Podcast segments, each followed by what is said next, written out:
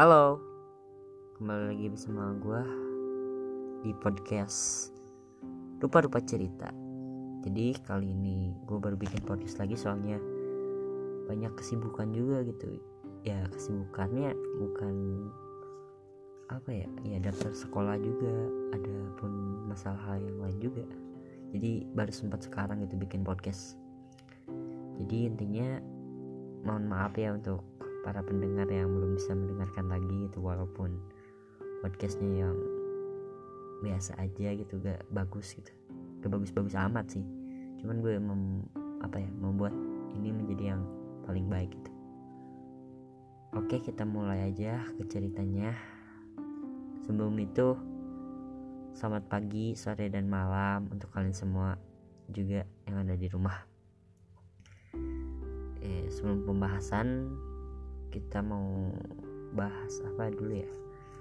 Oh iya kan sekarang itu mau new normal ya. Jadi gimana ya? Jadi ya pokoknya kayak yang habis 14 hari gitu. Tapi masih banyak juga sih. Jadi rada bebas dikit lah intinya gitu. Tidak terlalu ketat gitu.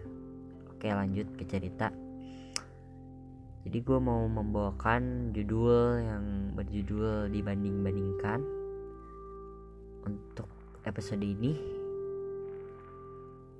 Jadi tentang masalah dibanding-bandingkan ini yang menurut gue ini sering terjadi. Misalkan kita dibanding-bandingkan dengan anak tetangga atau dengan saudara sendiri malah. Dan hari ini gue mau angkat cerita ini gitu dan ceritanya ini bukan dari gua gitu tapi dari orang lain gitu. Ini pers, uh, apa sih? First you know, first time gua angkat cerita orang lain ke podcast gua gitu. Semoga kalian bisa mendengarkan dengan baik ya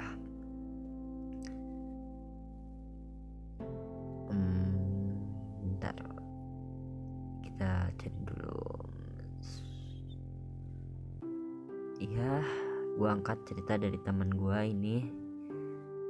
Gue samarin aja namanya Awan. Jadi Awan ini berasal dari Jakarta.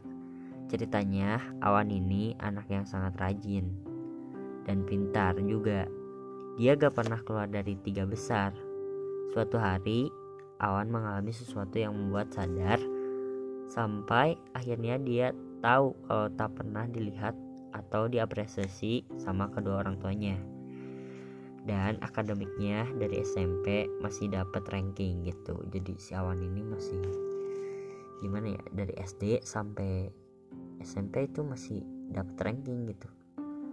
Ya katanya sampai 10 besar masih ada gitu. 10 besar lah. Lu kan suka kalau dapat rank 10 gitu bahagia banget kan? Ya gue sih merasakan dulu pernah masuk ranking 10 besar gitu uh bahagia banget. Ya itu bukan masalah lu pintar atau enggaknya sih tapi dalam rajin gitu. Lu paling getol gitu sama tugas atau apa. Oke lanjut ke ceritanya. Cawan ini masuk 10 besar dan yang membuat dia tidak diapresiasi oleh orang tuanya ialah dia masih dibandingkan dibanding-bandingkan gitu. Ya jadi dia tuh pintar tapi kakaknya lebih pintar gitu.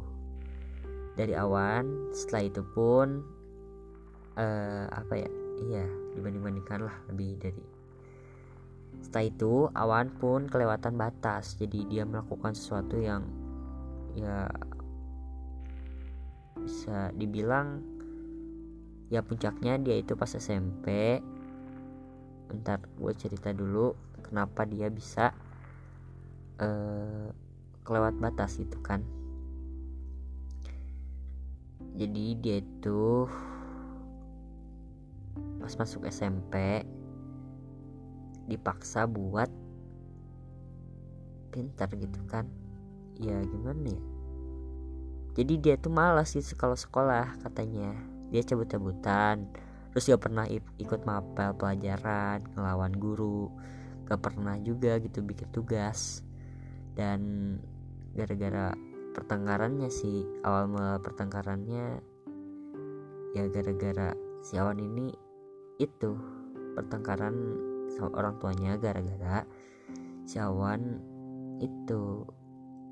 Apa anjir gue lupa. Iya si awan itu melakukan hal-hal yang menurut orang tuanya itu tidak seharusnya dilakukan oleh awan gara-gara ya alasannya sih kan katanya suka dibanding-bandingkan gitu. Selain itu kakak awan suka dibangga-banggain. Awan pernah menang lomba di olimpiade. Tapi orang tuanya biasa aja katanya. Ya gara-gara kawan itu masuk SMA favorit ya, sedangkan ya berbeda lah gitu. Gara-gara apa? Hmm, ya gitulah pokoknya. Dan sering kali diperlakukan berbeda. Jika mendapat sesuatu yang berharga pada saat itu awan pas dapat SMA swasta gitu. Jadi perbedaannya kakaknya dapat SMA favorit dan awan dapat swasta gitu.